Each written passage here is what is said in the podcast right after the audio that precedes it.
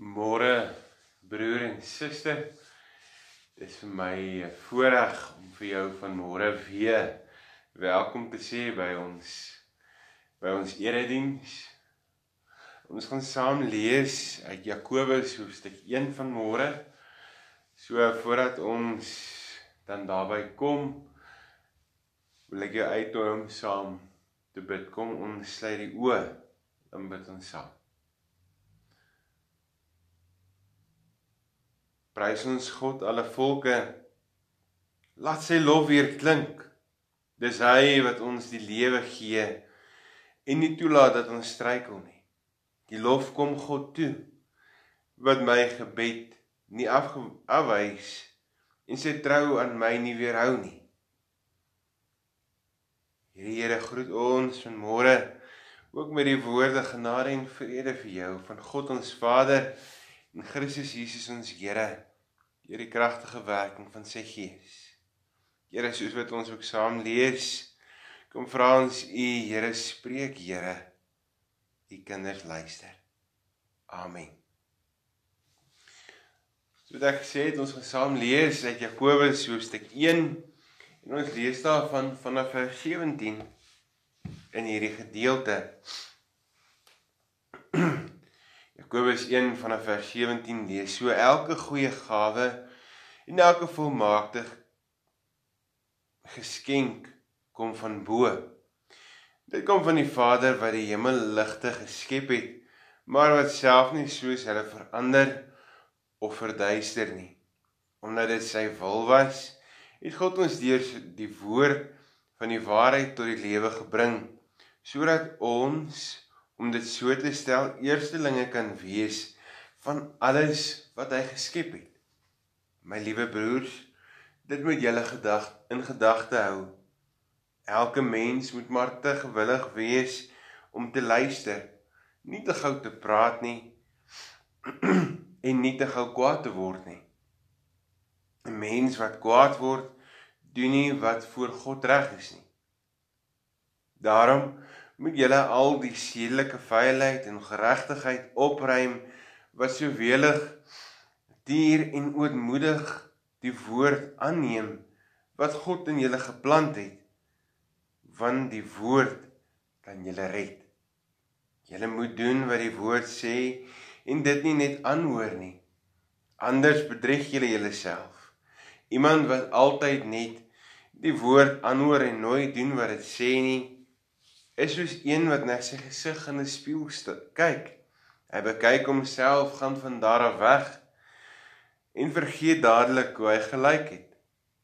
Maar iemand wat hom verdiep in die volmaakte wet wat 'n mens vrymaak en hom daaraan hou en nie vergeet wat hy hoor nie, maar dit doen. Hy sal gelukkig wees in wat hy doen.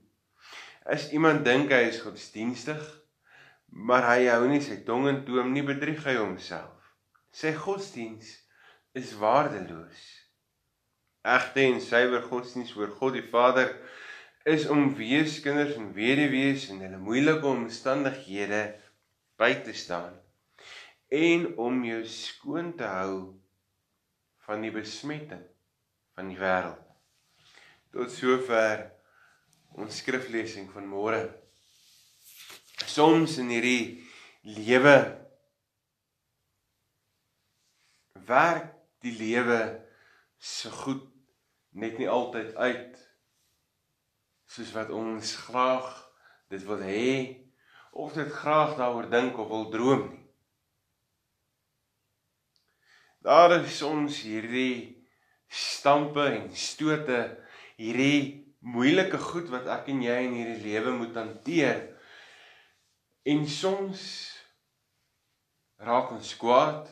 Soms is ons in hierdie oomblik wat ons onseker is. En soms is ek en jy op 'n plek waar ek en jy voel maar hierdie lewe is moeilik. Watter keuse moet ek en jy uitoefen in hierdie omstandighede wat ons beleef? En as ons aan hierdie lewe dink dan dan kan ons dit baie maklik baie keer opsom in woorde en ons probeer gewoonlik slagspreuke by dit sit in een Engelse slagspreuk is is hierdie slagspreuk van if life deals you a lemon make lemonade. As die lewe vir jou suurlemoene gee, maak limonade.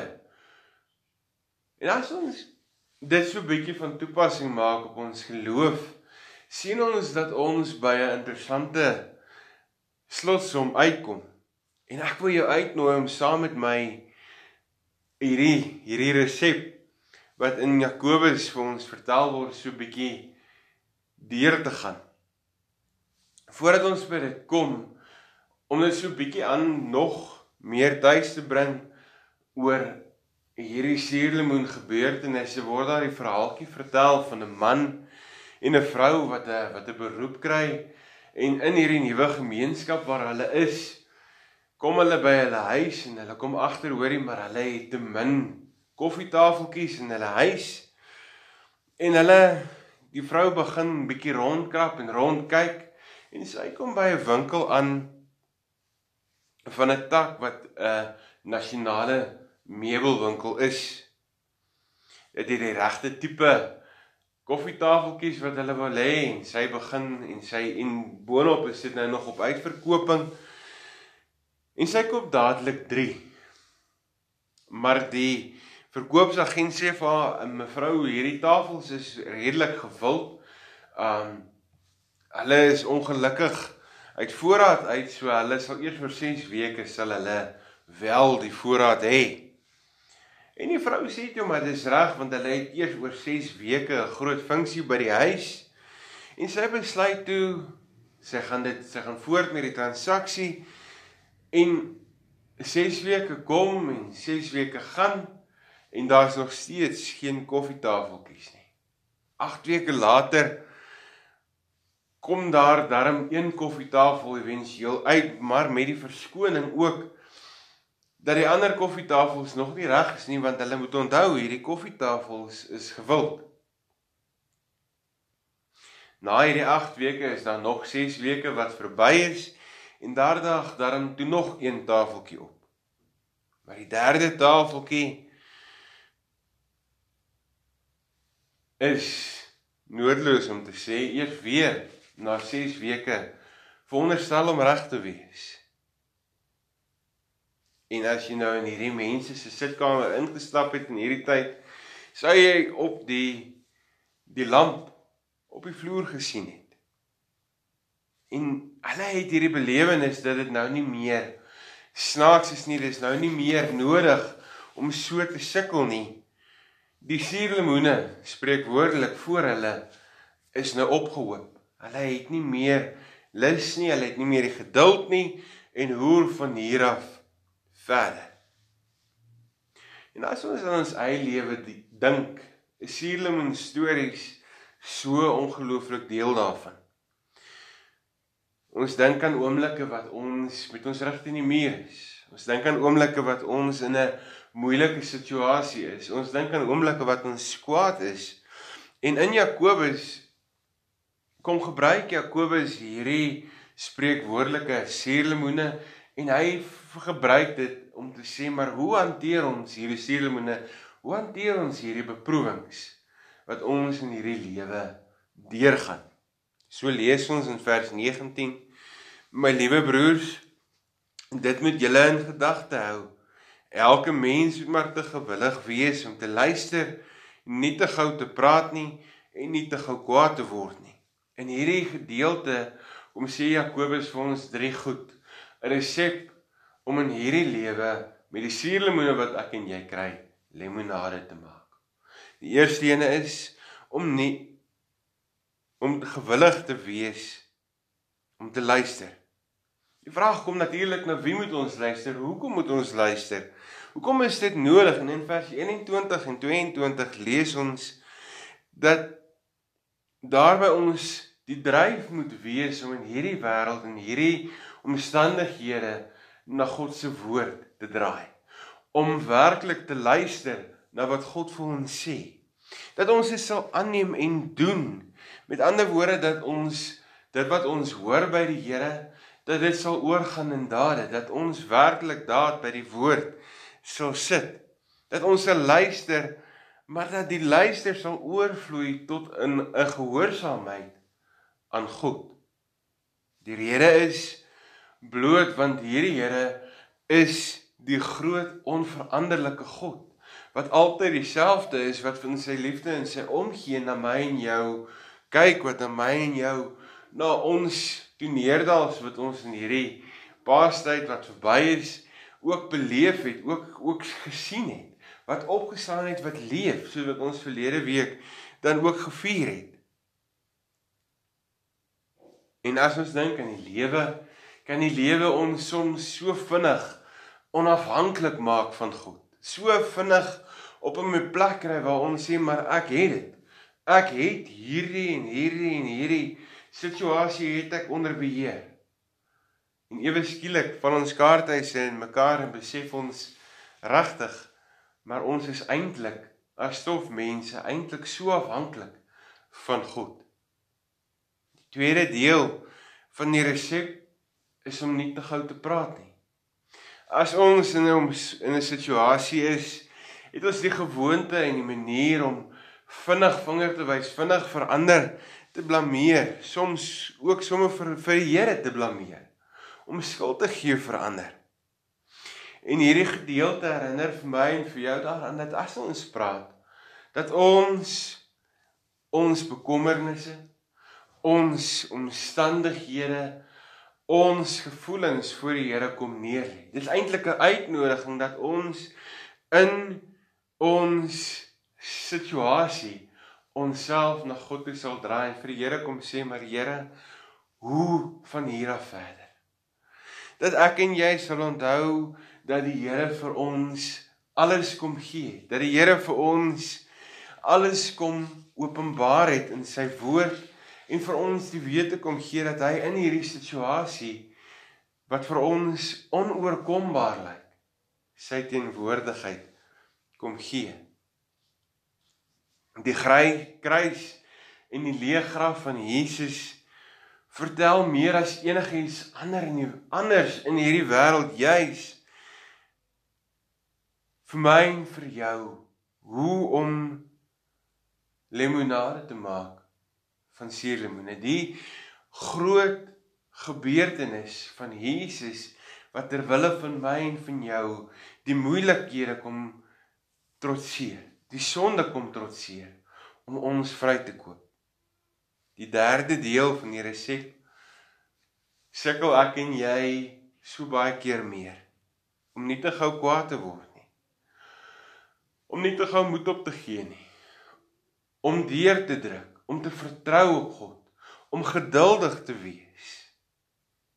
Want hierdie lewe het nie vinnige en maklike antwoorde nie. Hierdie omstandighede wat ek en jy deurgaan het nie quick fixes nie. Daar's nie 'n knoppie wat ons kan aan en af skakel ewe skielik en alles is weer alright nie. Daar's nie 'n reset knoppie iewerste wat ons kan sê maar kom ons druk hom en ons reset die hele wêreld nie. Maar tog kom nooi hierdie gedeelte my in jou uit om vir 'n oomblik tot rus te kom in hierdie omstandighede wat ons beleef by die Here. Wat beteken dit vir ons as ons met ons eie realiteit en ons eie lewe en ons eie omstandighede wat ons vandag in hierdie tyd mee gekonfronteer is. Hoe hanteer ons dit? As ons kyk na ons dorp, as ons kyk na ons land, as ons kyk na ons wêreld, maar ook daar in jou eie omstandighede, daar waar jy kyk vir 'n oomblik na jou eie bekommernisse, daar na jou eie finansiële bekommernisse, na jou eie gesin se bekommernisse, na jou eie gesin se gesondheid, na jou eie persoonlike lewe, na jou eie verhoudings. Hoe kom ons by hierdie punt uit om te sê maar ek en jy is op 'n in 'n situasie waar ons ons afhanklikheid van God van God besef. Ek en ek glo elkeen van ons besef die impak van hierdie omstandighede waarin ons is. Ons kan so maklik vasgevang raak dat ons nie weet wat om met hierdie suurlemoene te maak. Mag ek en jy ons eerstens na die Here toe draai. Mag ons luister na wat hy sê. Mag ons nie gou praat, gou verwyd nie. Mag ons nie kwaad word, vinnig kwaad word oor oor goed wat verkeerd loop nie. Maar mag ons geduldig wees en wag op die Here wat ook sy antwoord, ook sy genadige ingrype in hierdie oomblik vir ons sal gee en sy leiding. En mag ons dit ook uitdra in hierdie wêreld. Ek wil afsluit met die res van hierdie storie van die man met sy koffietafels en hy besluit toe om 'n brief te skryf. En hy skryf hierdie brief sommer aan die aan die direkteur van die maatskappy en hier volg sy brief.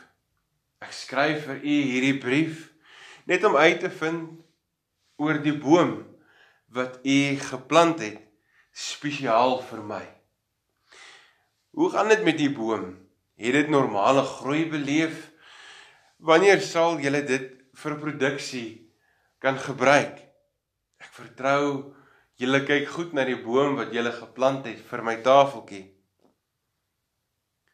En dan volg die res van die man se verhaal oor hoe die hoe hy die tafeltjie aangekoop het en dan sluit hy af. Ons het tot die slotsom gekom dat na alles, na hierdie lang gewag, het ons hierdie gevolgtrekking gekom dat daar 'n boom geplant is spesiaal vir ons. Intussen uit die aard van ons beroep besoek daar baie mense ons huis. As hulle die lamp op die vloer sien staan, verduidelik ons dat hulle dat u vir ons 'n boom besig is om te laat groei. En ek wil tog net navraag doen oor wanneer hierdie boom nou gereed sal wees vir produksie groete. Die resultaat was bloot dat hierdie man een nie maagseer gekry het nie en twee dat hy op 'n manier geduld geleer het.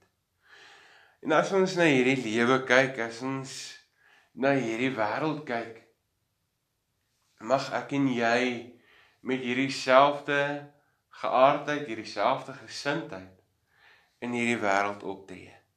Ons elkeen het 'n keuse oor hoe ons in hierdie tyd in hierdie omstandighede gaan en kan optree. En dis alles te doen met 'n keuse van gesindheid. Mag ek en jy weer hoor dat die Here teenwoordig is. Dat die Here dat ek en jy in moeilike omstandighede ons na die Here toe kan draai. En daarom kan moed skep in tye wat vir ons ongelooflik moeilik is. Tye wat daar nie maklike antwoorde en vinnige antwoorde is nie. Mag ons geduldig wees en op die Here vertrou. Ek mag ons leef met die gesindheid wat die Here ook vir ons kom openbaar aan die kruis, maar ook in sy opstanding. 'n Gesindheid van trou 'n gesindheid dat ek en jy op hom kan staat maak. Amen. Kom ons bid saam. Here, dankie Here dat ons kan weet Here dat U op 'n ongelooflike manier ook in ons lewens betrokke is. Dat ons ons realiteit en ons werklikheid hierdie wêreld Here een anker het een fundament en dit is U. Here ons het soveel vrae oor wat na hierdie inperkings gaan gebeur.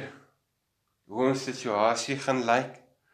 Hoe ons eie omstandighede gaan lyk. En ek kom vra U Here, gee U vir ons U leiding. Dat ons gewillig sal wees om te luister. Dat ons nie te gou sal praat nie en dat ons nie sal kwaad word en ongeduldig word nie. Maar dat ons op U Here sal vertrou. Want U Here is ons fondament. U Here is ons anker in hierdie tyd. So kom dank ons U ook Here vir U seën in hierdie oggend. Mag die genade van ons Here Jesus Christus die liefde van God ons Vader en die gemeenskap van sy Gees met ons elkeen bly en wees. Amen.